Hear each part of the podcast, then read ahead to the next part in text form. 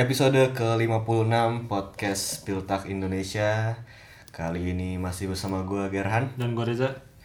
Dan kita sekarang sudah berada di penghujung tahun 2019 Iya. Sekaligus penghujung dekade Ngeri Iya. Tapi belum pengunjung-pengunjung amat. Masih ada minggu depan sebenarnya kan. Iya, ben ya, iya bener, bener. Iya. Seminggu lagi lah Seminggu lagi hitungannya. Dan di Bundesliga sendiri juga kemarin udah ditutup ya in ronde Iya. paruh musim pertama. Di mana secara mengejutkan pemuncak klasemennya baru lagi. Iya, bener. Udah udah udah dua pekan di atas RB Leipzig dan Bayern sama Dortmund belum memberikan sinyal-sinyal akan bangkit dalam waktu dekat. Cuman Iya, kan bener. pekan ke-18 masih sekitar satu bulan lagi juga. Bakal banyak hal-hal yang berubah. Hmm. Bakal banyak pemain yang mungkin dari cedera udah fit atau yang dari fit malah cedera.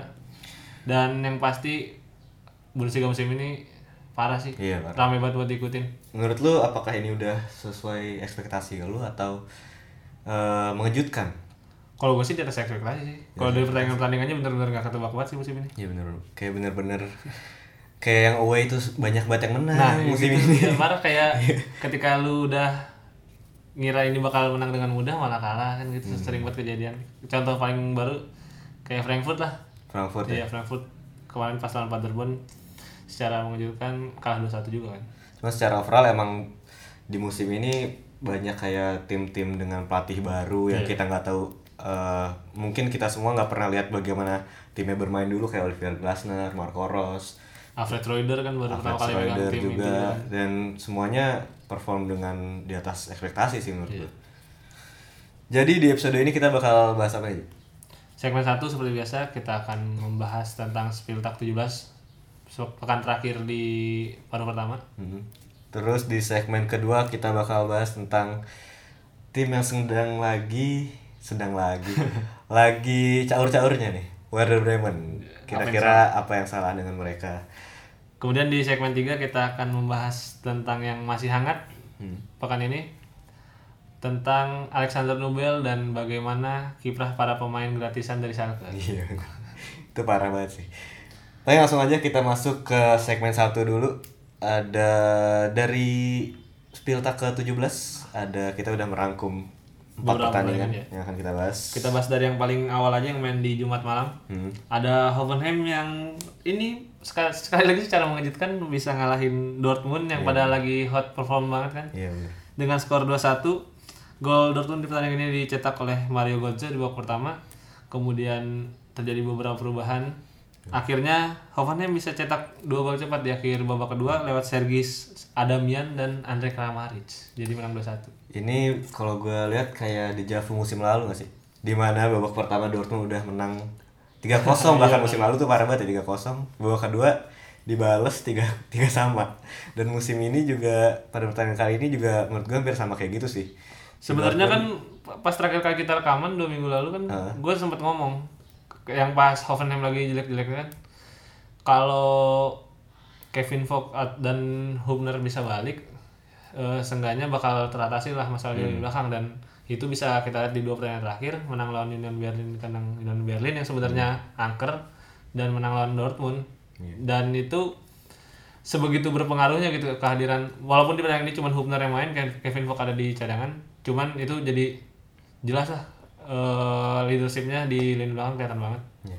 Dan lagi-lagi ini Hoffenheim melawan Dortmund juga dihiasi dengan gol-gol crossing iya. Dua gol crossing ini titik lemah dari Dortmund yang nggak tahu sampai kapan mungkin bisa diperbaiki sih. Gue nggak yakin apakah Favre pada akhirnya bisa memperbaiki ini kalau dia tetap jadi pelatih sampai musim ini sih menurut lu gimana?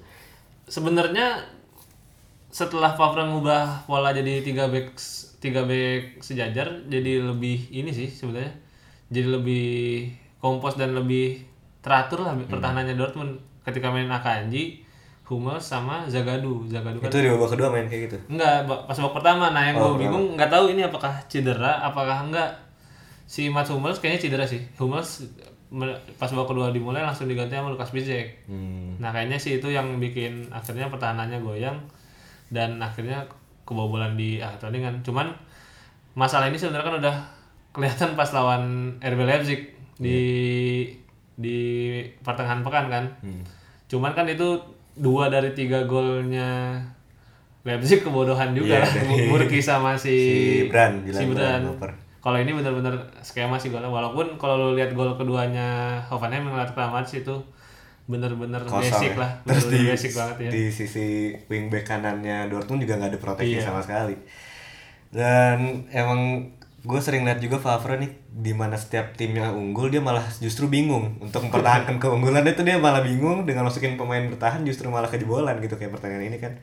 kemarin Si tuh dia Bisek. pas ha- halftime tuh ganti si Hummels sama Lukas Piszczek terus Torgan Hazard diganti sama Jakob Runarsson Hmm, bener. dan itu keputusan yang sebenarnya salah sih nggak gue nggak tahu kenapa dia masukin Piszczek padahal masih ada Balerdi gitu kan maksudnya Iya. yang yang benar-benar back tengah Dan dengan kemenangan ini Hoffenheim yang tidak kita duga-duga udah berada di posisi ketujuh sekarang. iya padahal waktu itu sempat lima Sempat pertandingan lima pertandingan kalah.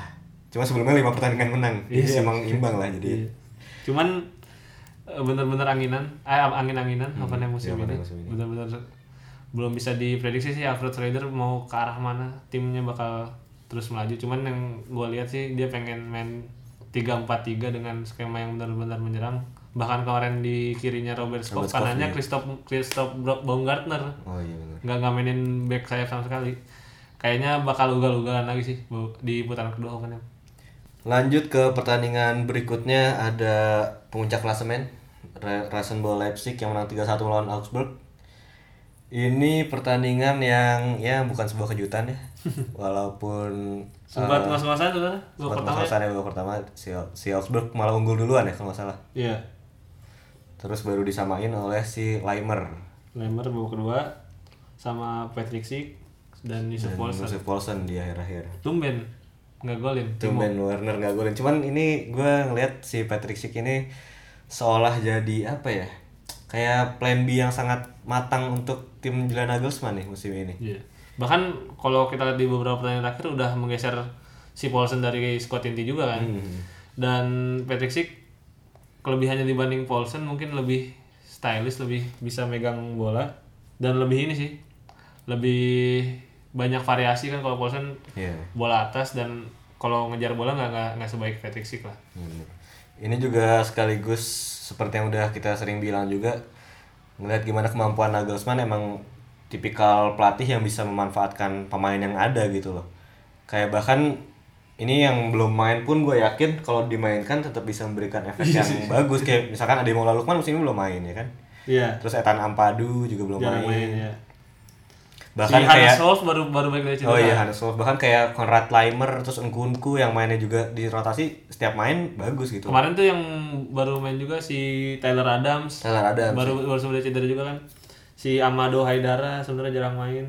Hmm.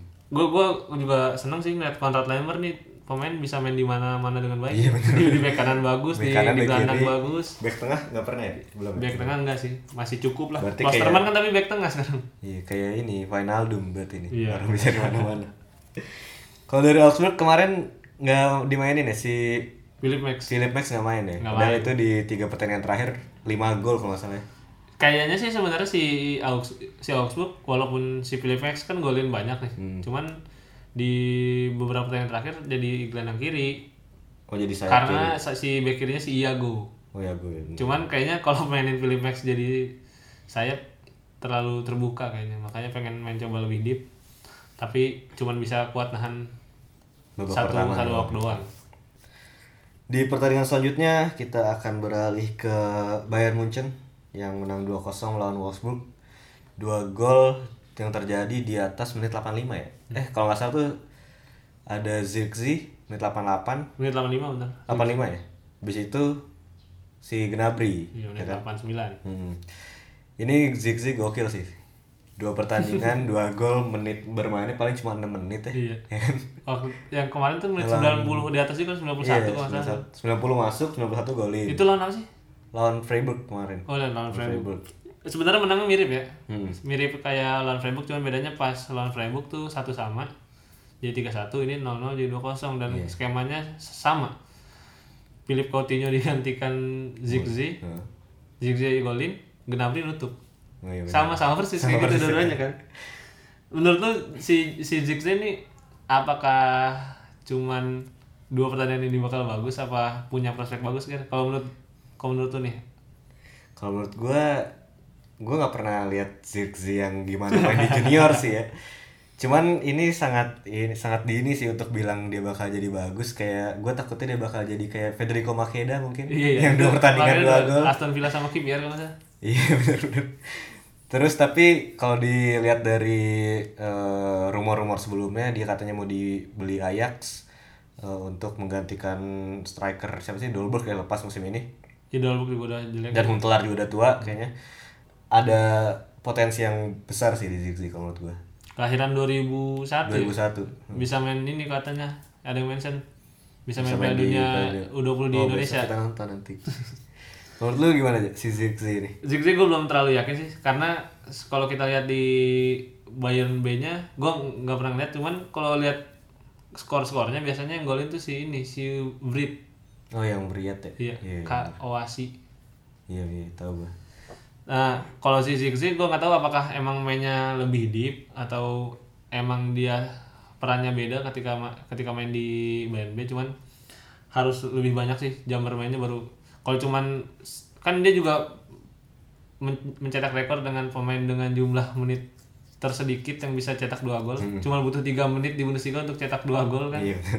Makanya lebih harus apa harus lebih banyak menit bermainnya sih buat kita ngeliat Iya. cuman yang salah satu yang menarik perhatian kemarin juga sih ini sih Thomas Muller Mas Muller. Ya, gimana Thomas Muller perannya berubah banget musim ini dari yang membuka ruang untuk mencetak gol sekarang jadi membuka ruang untuk mencetak assist Iya benar. Musim ini udah bahkan jadi top assist di Hinrunde ya, 11 assist dan itu menurut eh, Bundesliga.com kemarin menjadi pemain dengan assist terbanyak di Hinrunde, 11. Iya, pemain pertama yang bisa cetak 11 gol di Iya, Hinrunde 11 ya. assist di Hinrunde.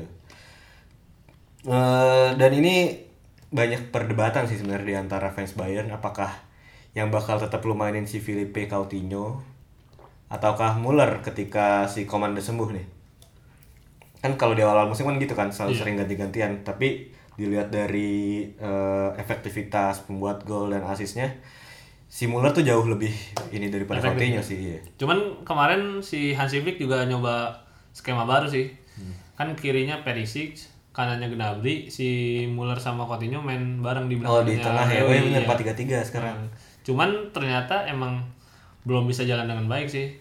Gimana bagi peran juga belum terlalu bagus. Akhirnya pas si Joshua Zirkzee masuk baru cetak gol juga kan. Kayaknya harus lebih banyak lagi lah. Ini apa? Eksperimen Flick apalagi Flick juga udah pasti bakal jadi manajernya baik sampai akhir musim. kan. musim ya. iya. Pertandingan terakhir yang bakal kita bahas eh, nggak kalah seru nih sebenarnya. Iya. Duel dua tim papan atas. Papan atas. Schalke lawan Freiburg. Iya, Freiburg. Jadi kemarin berakhir dengan skor 2 sama, golnya Schalke dicetak sama Suat Serdar dan Ahmed Kutucu, dua pemain rasa Keturunan Turki. Turki ya Jerman. Sedangkan dua golnya si Freiburg dicetak lewat penalti, yang pertama Niels Petersen, yang kedua lewat Vincenzo Grifo. Yang menarik Niels Petersen dengan gol ini jadi top skor sepanjang masanya Freiburg dengan 83 gol kalau nggak salah. Menyamai rekornya Joachim Low. Gue juga baru Hmm. Oh, tahu. gue gue gue pantesan Joakim Lo tuh sering nonton Freiburg. Kenapa? Karena ini ternyata. kirain Timnya gara- ya, iya kirain gara-gara Gara-gara pengen pengen scouting, scouting kan. pengen scouting Peterson gitu Heeh. ternyata karena emang legenda Emang klub legenda klub. Gue baru tahu sekarang ini. Eh, tapi secara pertandingan kemarin sebenarnya kalau kita lihat ya pertandingan yang seimbang ya. Maksudnya eh secara penguasaan bola mungkin Schalke menang, tapi seperti biasa Freiburg juga bermain sabar menunggu menunggu counter attack dan untungnya di pertandingan ini dia dapat dua penalti nih. Bahkan sebenarnya bisa tiga, cuman yang satu tuh nggak dianggap sama VAR. Dan eh, menurut lu gimana aja eh, performa Freiburg di paruh pertama ya pada pertama ini ini gokil sih. kalau kalau kita lihat sih sebenarnya Freiburg jadi tim yang paling konsisten sih maksudnya Hmm. dia hampir sepanjang musim ada di peringkat 8 ke atas lah ada di, di 8 besar terus dan banyak pemain yang bisa main gitu maksudnya kan lawan Schalke juga sebenarnya dia si Freiburg lagi badai cedera lah banyak pemain yang nggak bisa main kayak Di center back banyak yang cedera. Iya, ya. center back banyak yang cedera terus kanannya tuh kan biasanya si siapa sih? Di pokoknya dia banyak rotasi sih kalau gue si Salah yang kayak gitu pada ya. cedera kan si apa Borello nggak Borello Hofler eh Borello kemarin main tapi dari cadangan gantiin Grifo cuman banyak pemain bahkan kemarin sampai bawa cadangannya nggak nyampe 9 cuma 8 Hmm. pemain saking banyak pemain yang cedera cuman yang gue lihat itu jadi kelebihannya sini sih jadi kelebihannya Freiburg dia nggak terlalu bergantung sama satu pemain bahkan striker Iya. bisa ganti-ganti cetak skor bahkan kipernya cedera juga si Hmm. Flecken masih bagus kalau di bursa transfer nanti dia bisa memperbaiki beberapa yang masih kosong kayak mungkin gelandang tengah atau di back tengah kayaknya sih bakal jadi salah satu pesaing buat ini sih top top buat four, buat ngambil top, four. ngambil top six lah top six. Europa League Europa League bisa lah bisa, bersaing. bisa. dan emang kalau gue lihat juga Freiburg ini tim yang paling pragmatis di musim ini sih Iya. kayaknya dia menang possession tuh jarang banget musim ini bermain sabar dan hasilnya kemarin si Schalke tuh kayak hampir eh, sangat sulit untuk membangun permainan sih menurut gue walaupun di beberapa pertandingan terakhir ini menurut gue si siapa Benito Raman ini merupakan angin segar untuk Schalke sih menurut gue beda soalnya Iya. Akhir- cara permainannya akhirnya ada apa attacking unit yang bisa dipercaya lah Iya benar. Setelah tanya Buchstaller kan pemain dengan X XG paling gede di Bundesliga musim ini, tapi nggak ada gol. lebih banyak jumlah mencetak apa jumlah syuting yang kena tiang. Iya, eh dia bukan XG terbanyak, XG yang nggak pernah golin. oh iya XG terbanyak yang nggak pernah golin. Iya, iya, XG terbesar yang nggak pernah golin. Terus si Gutucu juga kan cetak Gutucu juga gol. keren banget golnya. bisa lah. Ini butuh striker doang sih Schalke buat buat Hmm. merangsak udah papan atas juga sih. Kalau bawa kalau di putaran dua striker si Raman bisa tetap konsisten. Seenggaknya konsisten kayak di Dusseldorf tahun kemarin lah. Hmm. Kayaknya bisa sih Schalke buat tembus enam besar doang Sebenarnya gue pengen bahas satu perta- pertandingan lagi sih. apa tuh Ini kekalahan Werder Bremen. Ya. Satu kosong dari Kom. Cuman ini di segmen kedua aja karena bakal banyak oh, iya. bahasan ini. panjang Panjang.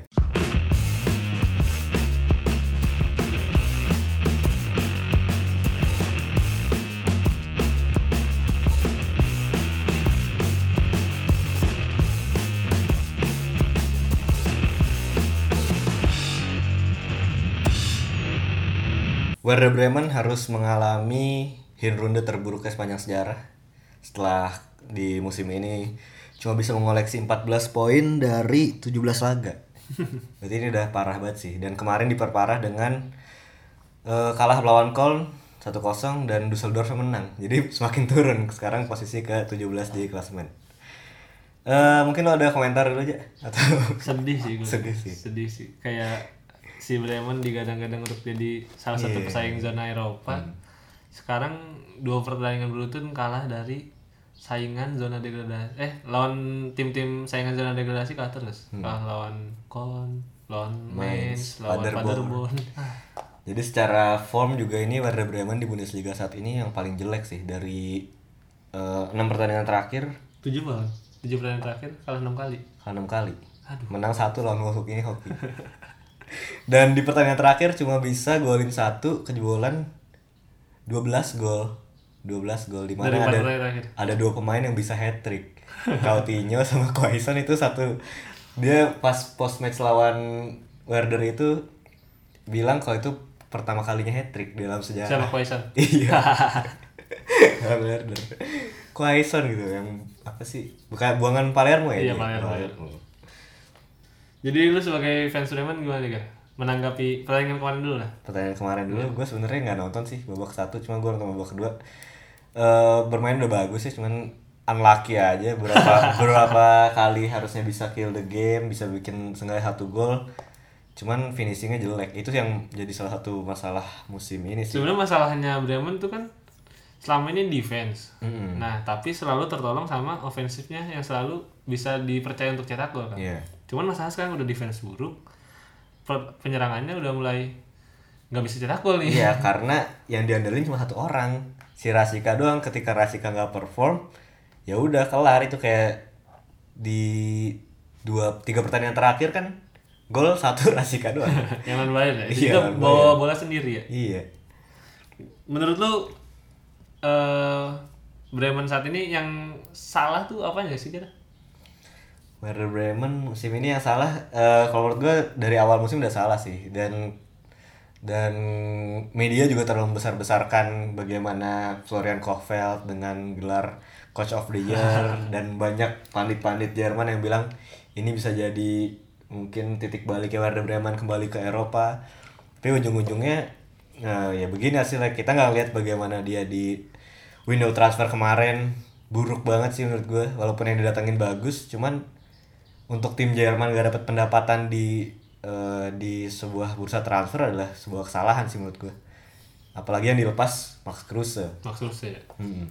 mending maksudnya mending ngelepas salah satu di antara Maxi, Jojo atau Rasika tapi kemudian bisa datengin pemain lagi sih kalau iya. kayak kayak kemarin kan datengin cuman goaler goaler terus full lang full crook full crook sih sebenarnya diharapin toprak, buat toprak ya, Cuma full crook ini emang dari dulu dari di Werder Junior juga emang udah bermasalah dengan cedera dan ini berani-beraninya gitu sih Werder Bremen datengin full crook dengan harga berapa? Tujuh setengah juta ya masalah. Berani ya? Berani. Werder Bremen tujuh setengah juta berani ya?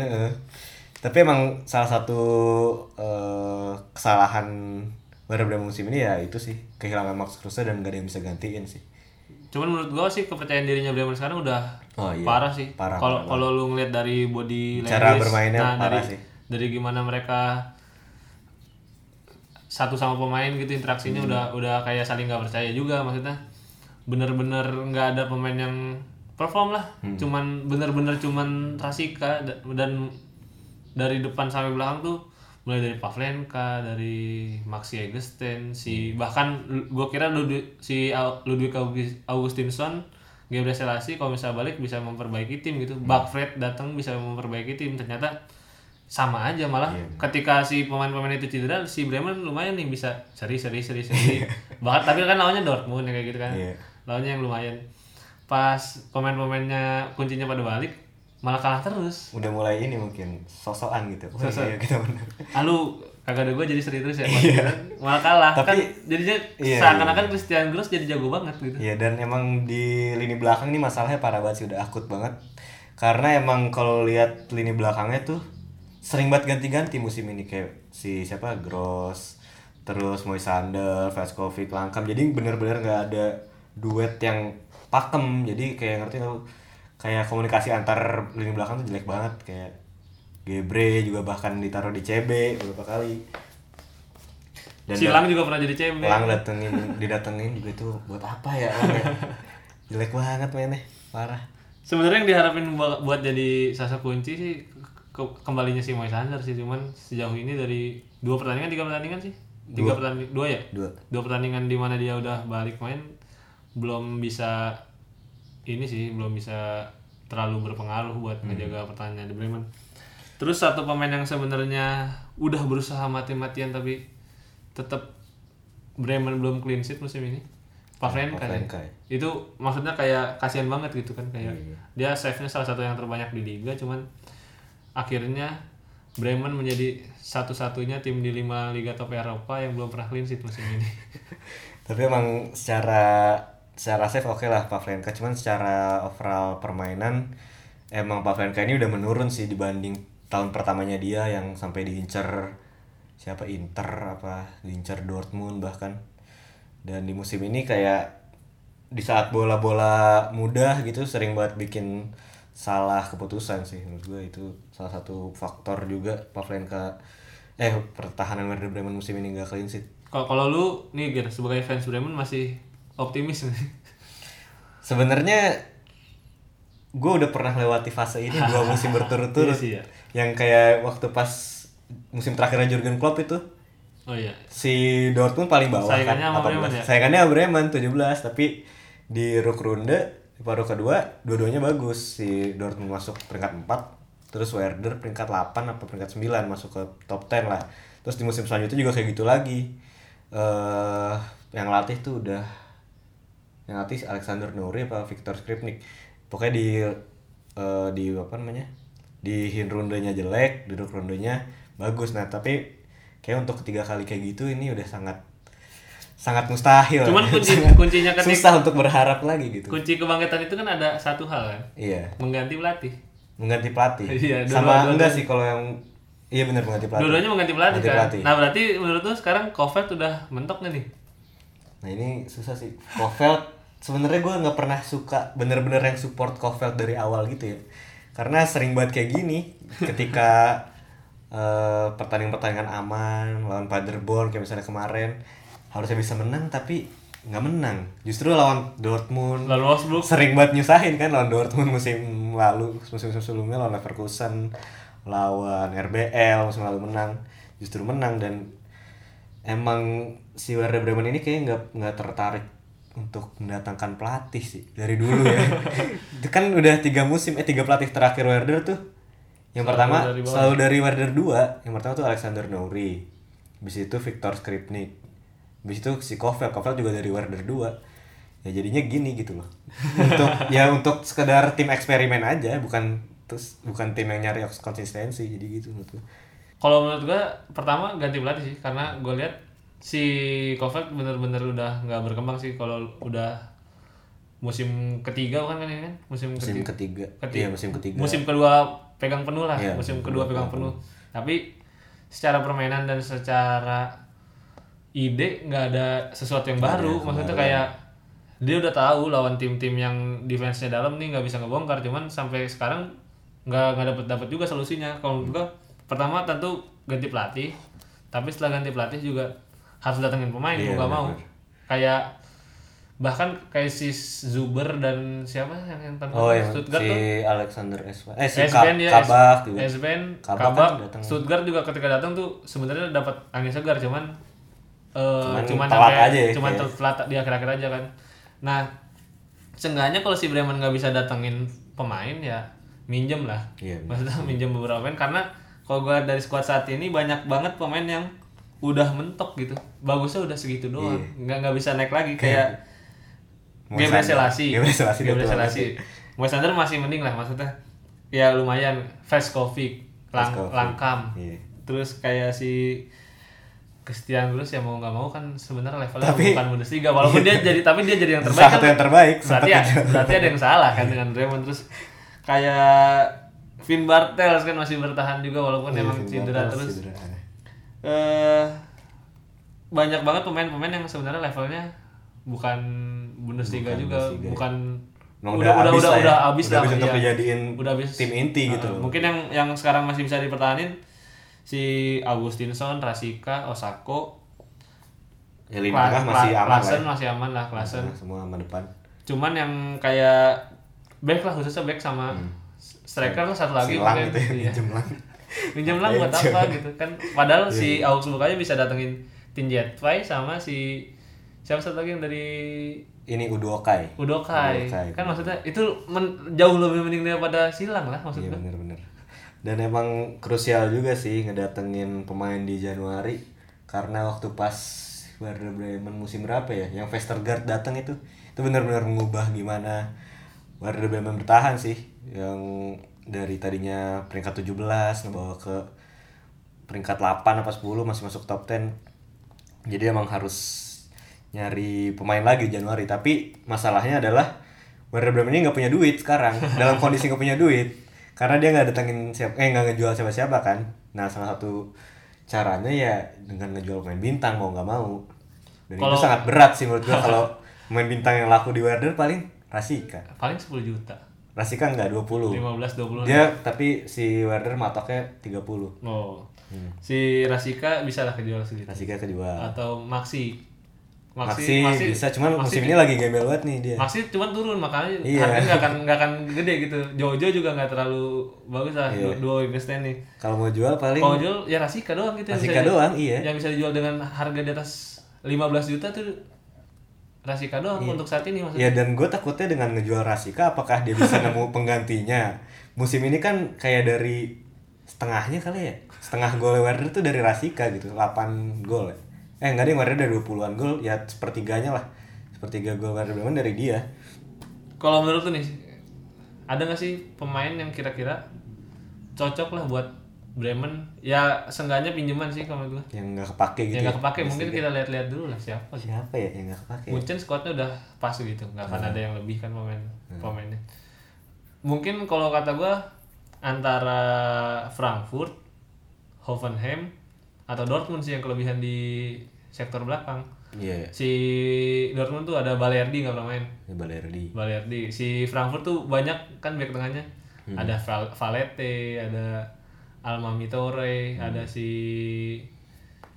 Evan Dicka. Van Dijk ya boleh sih. Iya. Van Dijk. Bahkan Timothy Chandler juga kata gua better sih daripada Gabriel Selassie. Iya lah.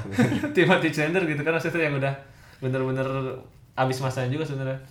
Terus Hoffenheim juga masih ada Akpo Guma, masih ada si Stefan Pos gitu. Iya. Mungkin paling ideal ya paling dari si Hoffenheim ya. Stefan Pos atau Akpo Guma. Guma. Tapi gue mikirnya mungkin juga dari Leverkusen. Dan Dragovic mungkin. Dragovic. Red Sauce. Red Sauce Red juga kan. Ya, Red bisa Sauce, di bek kanan juga kan. ya. Cuman mm, Leverkusen kan juga nggak dalam-dalam banget bahkan kemarin Iya sih kekurangan CB ya. Gara-gara ngejual eh ngelon si Jetfy. iya Jonathan Tah kan cedera juga. Hmm. Tapi ya sulit sih. Ya intinya tadi kalau menurut gue harus jual pemain dulu.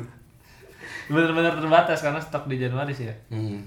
Kalau kalau lu nih ngeliat Bremen sejauh ini tapi kan Hmm. target akhir musim lu apa gitu? Ya stay out of relegation. Udah paling realistis itu. Tapi yakin nggak bakal bakal bisa nyampe eh, peringkat 15 ini? Atau atau lu punya kepercayaan Bremen tetap bakal di atas 10? Di atas playoff lah playoff. 16 gak apa-apa. 16 nggak apa-apa. Tapi kan saingannya paling cuma Paderborn. Sama Mainz, Kol. Emang Düsseldorf. Augsburg, ya. Düsseldorf, Kol. Oh. Augsburg enggak. Augsburg udah naik ya? Düsseldorf, Paderborn sama Kol. Bisa lah. Ini. Kayak kayaknya Asalkan Ron Hennes cedera.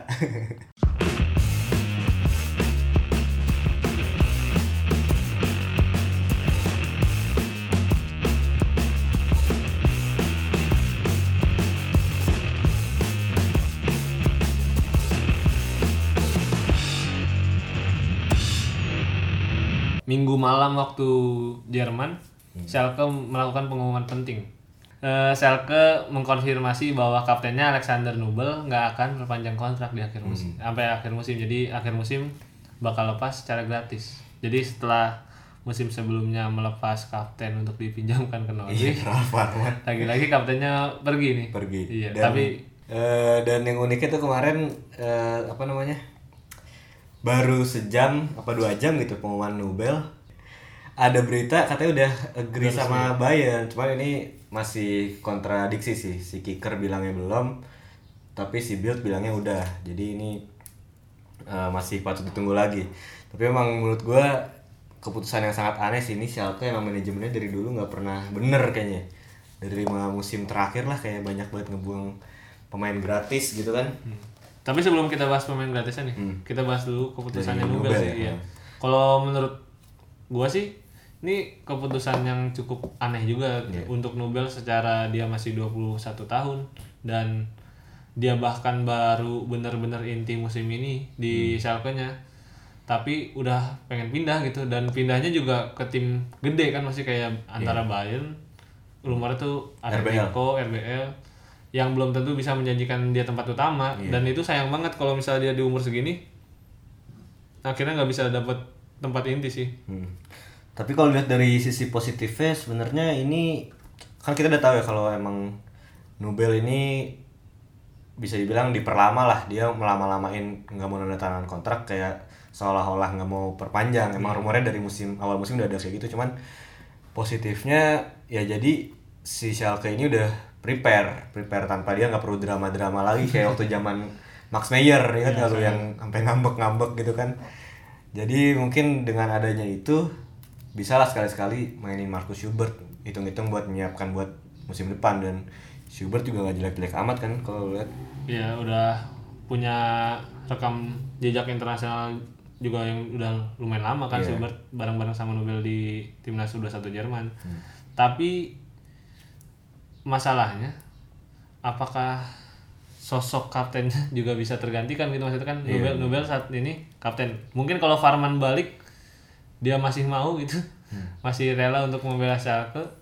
Mungkin kaptennya udah ada cuman sayang banget sih kayak kapten diganti-ganti dengan gampang kayak Iya, tapi gitu kayak emang eh, kebijakan di Schalke tuh kapten kayak nggak terlalu Nggak penting ya? penting. Kayak bahkan awal musim kan kandidatnya Meston McKennie terus Tambouli terus siapa lagi ya? Ya pokoknya pemain-pemain sama Nubel kan kemarin Iya. kandidatnya. Dan yang menang Nubel. Nah ini kayaknya emang kaptenan Nubel sendiri juga salah satu upaya sebenarnya. Buat buat bertahan ya? Mempertahankan Nubel cuma gagal tetap gagal. Kalau kalau gue jadi Nubel sih mendingan perpanjang kontrak dulu lah tiga tahun. Cuman di tahun pertama atau tahun kedua pindah karena kalau gue yakin sih sebenarnya udah deal sama Bayern saat ini. Itu beritanya nggak nggak mungkin bohong. Kalau udah lihat- berani bilang iya, gitu ya. kalau udah dibilang gitu sih kayak si Vita apa lah terakhir. Kasusnya sangat sama kayak gitu. Dia harus nunggu Neuer dua atau tiga tahun lagi untuk jadi pemain utama kan. Itu dua atau tiga tahun itu apakah dia bisa tetap mempertahankan performa ketika nggak dapat banyak jam bermain atau enggak kan masih jadi misteri juga. Itu negatifnya itu sih bener. Dan negatif bagi Schalke juga ya ini menjadi pemain kesekian lah yang harusnya bisa dia eh, dapetin untung. Kayak lu lihat terakhir dia jual pemain mahal tuh Leroy Sané pemain muda potensial ya kan Leroy Sané 20 tahun dijual 50 juta ya kan? Ya ke City. Nah, bayangin kalau misalkan Nubel dijual kayak dapat 20 dapat dah 20 20 15 dapat lah Iya. untuk kiper kayak 20 kemahalan sih. Mungkin kita sebutin aja lah Iya. langsung ini kerugian-kerugian kerugian Schalke. kerugian Schalke kebodohan kebodohan manaj- apa manajemen mereka untuk melepas para pemain ini dengan tanpa mahar Kalau mahal Iya. dan tanpa ini juga sih sebenarnya tanpa plan ke depan ya tanpa plan B Iya. gitu kayak sering banget kehilangan pemain ini dan di musim depannya nggak bisa menggantikan Iya. gitu. dan ini daftar-daftar nama pemain ini juga bisa jadi inilah rujukan Rujukan bagi Nubel oh iya karena tidak selamanya pemain-pemain yang pindah dari Schalke dengan memaksakan diri seperti ini selalu berakhir dengan trofi dan tidak selalu berakhir dengan berhasil gitu. Iya, benar. dari yang paling pertama ya kan dari yang paling dari pertama? yang paling pertama dari ini bu- lima tahun terakhir lah ya? Lima tahun ya Orang-orang lima tahun terakhir lah ya. Ada seorang bek kiri Hmm. yang pernah menjuarai IPL ini gokil berarti berhasil pindah dari Schalke dengan gratis yaitu adalah Christian Fuchs. Christian Fuchs pindah, Iya. pindah ke Leicester. Ke Leicester pas umur 29 lah ya udah tua, udah tua 29. juga. tapi statusnya waktu itu masih kapten Austria kan? Oh iya masih kapten Austria. Ini juga sebenarnya aneh sih dilepas gratis gitu dan jadi keuntungan yang benar-benar benar-benar benar-benar iya. canggih gitu maksudnya buat Le- Leicester. Di mana di musim itu ketika juara Christian Fuchs tuh jadi sosok salah satu sosok kunci di belakang dan juga jadi takernya si Leicester kan banyak banyak banget gol-gol dari skema corner, free kick. dan si Schalke setelah kehilangan Christian Fuchs juga kayaknya sampai musim lalu lah. Dua musim lalu masih kesulitan ya nyari LB yang bagus. Sampai kayak udah pernah datengin Baba Rahman. Iya bener. Hamzah Mendil nggak ada yang berhasil kan sampai musim ini. Oksipka ini udah Lumayan bagus lah lumayan yang udah terbukti di Bundesliga juga Dan hampir selalu datangin back kiri juga di si, di setiap transfer Indo sih. Musim ini juga datang si Juan Miranda. John Miranda Iya. benar-benar lanjut ke pemain selanjutnya aja Pemain berikutnya yang juga pindah dan kemudian semakin sukses, semakin mendapatkan gelar gitu. Setelah lepas dari Schalke ada Erik Choupo-Moting. Erik Maxim Erik Maxim Choupo-Moting. Salah satu pemain Kamerun yang kayaknya kok nggak tua-tua gitu kan. Kayak dari dulu ada sama saya sih banyak banget dah pokoknya pemain Kamerun tuh. Zaman itu winger-wingernya. Dia pindah umur 28 kalau saya. 28 29 juga. Pindah ke Stoke City sebenarnya kan. Nah, Cuman di Stoke City dia walaupun degradasi bisa jadi sosok kunci lah. dia di Stoke City kayak sering jadi tumpuan utama ya waktu itu Hmm. Iya. Jadi striker kalau pas-pas di Stoke City kan Iya. lumayan golin terus. Akhirnya itu membuat salah satu tim besar berminat. Aneh sebenarnya aneh. Aneh. gitu. Cuman ya mungkin ad- ada kedekatan sih Thomas Tuchel. Iya, Thomas bekas Mainz juga kan si iya, Choupo-Moting nih. Choupo-Moting bekas Mainz juga. Kayaknya itu sih yang bikin dia akhirnya pindah ke PSG. Di situlah dia merasakan nikmatnya meraih gelar, Iya. nikmatnya bermain di tim papan atas walaupun jarang bermain. dan highlight yang paling gue inget yang dia satu lawan satu. Eh Iya. udah gawang kosong ya? Gawang kosong. gawang kosong gak gol di clearance. Oh, di clearance. ya, nggak jelas itu. Lupa gue ya, pokoknya pokoknya bola kalau nggak disentuh juga udah masuk gitu. Dia sentuh. Oh dia centuh boleh ke belakang. Bolanya ke belakang. Iya kan? Itu highlight dia selama di PSG tapi gelar banyak. Gelar banyak. Ya menurut gue tetap sukses sih. Dan di Schalke nya nggak terlalu berpengaruh sebenarnya sih si Choupo-Moting ini nggak segede eh, pemain-pemain berikutnya yang kita bahas. Siapa berikutnya? Pemain berikutnya ada ini World Champion, Gokil. European Champion. Tinggal nunggu gelar Inggris aja nih. Iya. Ada Joel Matip. Joel Matip. Joel Matip ini waktu pas di Schalke emang ngeri banget sih bisa dibilang salah satu back terbaik di Bundesliga musim itu waktu terakhir ya. Dia golin Kalau lu lihat highlight-highlightnya pas di Schalke tuh kayak yang dribbling-dribbling dribbling- gitu ke dribbling depan. kayak Daniel Egger lah. Iya, Dan gol ini banyak banget waktu musim terakhirnya tuh dia kayak 6 gol apa 7 gol gitu ya. Untuk seorang back. Dan, akhirnya ketika- pindah ke Liverpool. Iya, di umur 24 tahun. Oh ya gokil ya. Masih 24 tahun. muda banget kan maksudnya. Bisa-bisanya Schalke melepaskan pemain 24 tahun dengan Iya, gratis gitu. kayaknya kalau dijual itu 35 juta dapat ya. Eh, kalau kita lihat Lovren-nya 30 Lovren juta gitu ya. Lovren 25 kan, eh 30 ya. Iya. Si Matip sebenarnya sempat kesulitan sih awal-awal dia di Liverpool ketika harus berpartner dengan Lovren, ya kan? harus berpartner dengan Ragnar Klavan. Oh bener iya. iya. Kayaknya kes- kesulitan. Tapi semenjak Van Dijk datang di pertengahan musim lalu, si Matip jadi salah satu sosok kunci Liverpool buat dapetin Liga Champions, dapetin konsistensi main di Premier League. Eh, dan menurut gua dia jadi salah satu back terbaik di Premier League musim ini. Iya benar, kalau nggak cedera ya, Hmm, ini cedera. Dan ini sebuah kejelian Jurgen Klopp juga sih kayak mendatangkan Joel Matip dari rivalnya dulu bahkan Iya. kan dari Dortmund. Kalau gue sih sebenarnya yakin dia bakal sukses di Liverpool. Iya. Kalau kalau ngeliat gaya mainnya dia, cuman emang butuh tandem yang pas sih. Hmm. Ini keputusan yang tepat ya. Tepat, udah Dan tiga sampai, tepat. Sampai sekarang Schalke masih Kesulitan sih nyari di posisi back tengah. bagus. Tapi semenjak datang Kabak udah Kabak udah lumayan lah ya. Iya. Sane bahkan ketika datangin ke Schalke malah jadi turun kan bukannya naik. Lamine. Ya. Iya, Eh kok Lamine? Lamine Sane. Salib. Oh iya, Lamine Sane. Lamine Sane sih. Lamine Sane siapa ya? Oh bekas Werder, lupa. Sorry, sorry. Salib Sane. Lamine Sane. Iya, Salib Sane Ozan Kabak sebenarnya bisa sih. Iya, iya. Cuman eh masih nggak sebaik belum ada yang sebaik Iya. Joel Matip pas di Schalke kalau gue. Lanjut ya. Berikutnya ada yang setelah kita tadi bahas yang berhasil, berhasil, Hmm. berhasil. Ada yang gagal juga ternyata. Eh Seat Kolasinac. Oh bener. Seat Kolasinac pindahnya 24 juga kan, 24 2000. Iya, ta- dan ini gue Ke Arsenal tahun 2 2 tahun lalu ya. 2016 ya. 16 17 masa. 17 Iya. ya. Bener, Kolasinac. Ini Kolasinac juga lagi-lagi salah satu tumpuan Schalke juga. Oh bener, setelah Fox tuh Kolasinac dulu, bagus. Oh iya benar Kolasinac. benar. Habis itu sulit dah tuh nyari LB. Kolasinac bagus kayak musim itu salah satu wingback dengan asis terbanyak di Bundesliga. Dan salah satu prospek yang cukup menjanjikan lah. Iya, badannya gede, 2014 trackbacknya. 2014 sudah main Piala Dunia. Oh di mana dia? Bosnia kan. Oh iya, maksudnya main ya dia? Iya dia kan pindah ke Bosnia buat main Piala Hmm. Dunia. Jadi eh Kolasinac nih sebenarnya sempat dihubung-hubungkan dengan begitu banyak klub. Iya, bahkan Liverpool ya, Liverpool, AC Milan kalau nggak salah sempat dihubung-hubungkan, tapi dia memilih Arsenal Arsenal. Iya. Karena, Karena- Ozil mungkin. karena Mertesacker, Ozil, Iya. Jerman Connection. Tapi karena Gnabry mungkin. tapi kita lihat sekarang Kolasinac kesulitan, Iya. Schalke juga kesulitan. Jadi lose lose solution. Gak ada yang menang di sini. ya, tapi Kolasinac gimana? Dia Kolasinac nih keputusannya menurut gua ya wajar sih pindah dari Schalke ke Arsenal itu Arsenal, sebuah keputusan yang wajar gitu. Cuman sebuah ini juga sih apa step up karir. Iya, tapi dan secara badan, secara fisik gitu, sebenarnya kalau Sinak tuh harusnya nggak kesulitan buat buat seritme dengan Premier League. Cuman kalau kita lihat dia begitu reckless, begitu tidak memakai otak, dalam bermain dan akhirnya dia jadi salah satu pemain yang benar-benar jadi scapegoatnya Iya. si Arsenal sih menurut gua. diceng-cengin selain ya. Mustafi gitu. Selain Socrates, Syaka, banyak banget. Banyak banget dari Bundesliga ya. Di Bundesliga hancur semua di ini. Iya di Arsenal. D- eh, selain Leno, Leno lumayan. Jadi kayaknya eh Kolasinac udah habis sih kalau menurut gue.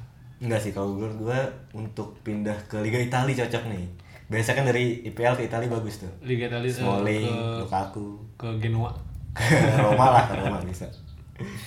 Lanjut juga pemain yang sama-sama gagal dan pindah ke Premier League ada Max Meyer. Iya. Ini drama banget waktu pas dia mau pindah tuh kayak ribut sama manajemen, sama pemain, sama pelatih, sampai akhirnya dia baru game week ke 20-an udah di band nggak boleh main di Schalke lagi. Iya dan untuk mencari klub yang ingin merekrutnya juga lama banget. Iya. Butuh sampai akhir bursa transfer akhirnya baru pindah kan ya. Iya, bener-bener. Karena salah satu hal yang bikin kesulitan tim-tim merekrut dia gajinya tinggi banget. Gaji tinggi, eh, terus juga attitude-nya Iya, jelek gitu. jelek. Kayak sebenarnya tim-tim Bundesliga gue yakin banyak yang pengen rekrut dia lagi, cuman Hmm. akhirnya yang bisa bener-bener ngegaji dia dengan harga segitu cuma Crystal Palace. Crystal Palace. Dan siapa sih waktu itu yang datengin? Roy Hodgson belum ya? Pardu mungkin ya. Iya kayaknya masih per Pardu ya kan datengin dia. Dan ini si Max Meyer ini juga bekas wonderkid, Hmm. tapi nggak bisa mencapai ekspektasinya di Crystal Palace bahkan jarang main. Sekarang juga masih 25 tahun ya. Masih 25 tahun. Dulunya nih sayap ya awal keluar. Saya sempat saya. Sekarang jadi CM bahkan CDM juga bisa. Demi ya demi udah asal main bermain, aja lah yang penting. Ini asal main aja lah. Tapi Kesulit, kesulitan untuk bersaing. tapi sebenarnya terakhir kali di Schalke tuh dia bagus. Yang iya, sama si musim- Goretzka ya kan. Iya, sama Goretzka. Eh, dan saat ini benar-benar parah sih penurunan performanya nggak tahu karena dia udah malas latihan atau apa tapi Hmm. sampai kesulitan bersaing untuk kesulitan bersaing dengan Anders Townsend dan Jeffrey Sloop itu sesuatu yang sangat menyedihkan sih. Sama MacArthur sama McCarthy. Sama MacArthur McCarthy. Iya udah udah parah banget sih Udah sekarang. parah banget ya. harus pindah lagi sih kalau menurut gua untuk karena eh, Roy Hudson tipikal pemainnya nggak kayak dia gitu. Iya tipikal, Tipikal pemainnya tuh seperti satu dimen- dimensional one Paul dimensional. Konchesky seperti Christian Paulsen. Iya, bener, bener. Ya, kayak gitu pemainnya berikutnya masih tadi kita bahas dua pemain yang gagal sekarang kita bahas yang antara gagal atau berhasil masih belum terlalu kelihatan. Iya masih belum terlalu kelihatan. Ada Leon Goretzka Hmm. partnernya Meyer ketika itu di Schalke. Goretzka pindah ke Bayern dengan status bebas transfer. Sebenarnya cukup menjanjikan di awal kedatangannya cuman beberapa kali dihantam cedera jadi nggak terlalu banyak nih mainnya. Hmm. Menurut tuh berhasil nggak Goretzka ini 50-50 sih menurut gue juga karena di kalangan fans Bayern pun banyak banget yang kayak nggak suka dengan dia bukan nggak suka ya maksudnya meragukan dia lah Iya. karena mainnya nggak jelas malah lari doang walaupun sebenarnya di taktiknya Bayern ini cocok untuk gantiin Muller Iya. tipikal yang bisa Cetak masuk gol, kotak iya. cetak gol gitu dan sayangnya menurut gue ini Goretzka masih butuh sekitar dua musim lagi lah untuk membuktikan itu menurut gue karena sebenarnya tipikalnya tuh mirip-mirip ya Muller atau Suat Serdar gitu lah yang Ba- bisa balak lah balak kalau di timnas posisinya ya maju bisa mundur. Karena gue lihat di timnas juga mainnya selalu bagus gitu. Oh iya. Bisa main di CAM bisa main di Forsnen kadang. Hmm. dan jumlah golnya juga lumayan gitu. Di Bayern juga jumlah golnya sebenarnya lumayan Iya, cuman lumayan, ya. karena jarang main cedera sih. Hmm. dan ini menurut gue dari pemain yang kita bahas ini salah satu pemain yang paling apa ya perampokan gratis Iya, soalnya. paling ini amat Goretzka, disayangkan ya. Goretzka paling ini paling wonderkid lah. Iya paling mahal lah ibaratnya dibanding ya setara Sane lah kalau dihargai mungkin ya. Iya bisa 45 sama Draxler. Draxler dari Schalke duluan. Iya. Iya kan ya? Dari Schalke ke Wolfsburg. Oh iya benernya 40 juta kan Iya setara segitu harusnya di market sekarang ini Cuman ya gratis ini Iya. lagi-lagi menunjukkan bahwa keanehan manajemen Schalke sih bisa nggak bisa mempertahankan Iya. pemain tuh salah satu hal yang bikin tim lu nggak jadi tim gede Iya bener Iya bener kan Udah itu paling cuma segitu Iya Udah. berikutnya Nubel sih kita lihat Berikutnya aja apakah Nubel. dia bisa mengikuti jejak Kolasinac atau mengikuti jejak Joel Matip Oh, menjadi iya. world champion sekarang Bener. Paling gitu aja di episode ke-56 ini Ini kita rekaman terakhir di tahun ini Soalnya kita langsung ngetek dua iya Dan terima kasih juga untuk yang udah mendengarkan di tahun ini. iya Eh, gua Gerhan cabut. gua Reza cabut Sampai jumpa di episode selanjutnya. Iya.